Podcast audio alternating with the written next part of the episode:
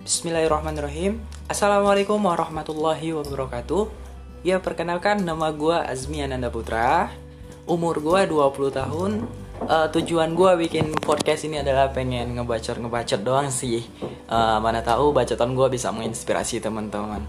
Yang di mana tema gue adalah tentang pemuda. Pemuda adalah kiblat peradaban. Kiblat peradaban sebuah perubahan untuk di masa depan Uh, buat teman-teman yang masih penasaran gimana sih cerita dari pemuda ini, kiblat peradaban ini, yuk ditunggu ya podcast selanjutnya.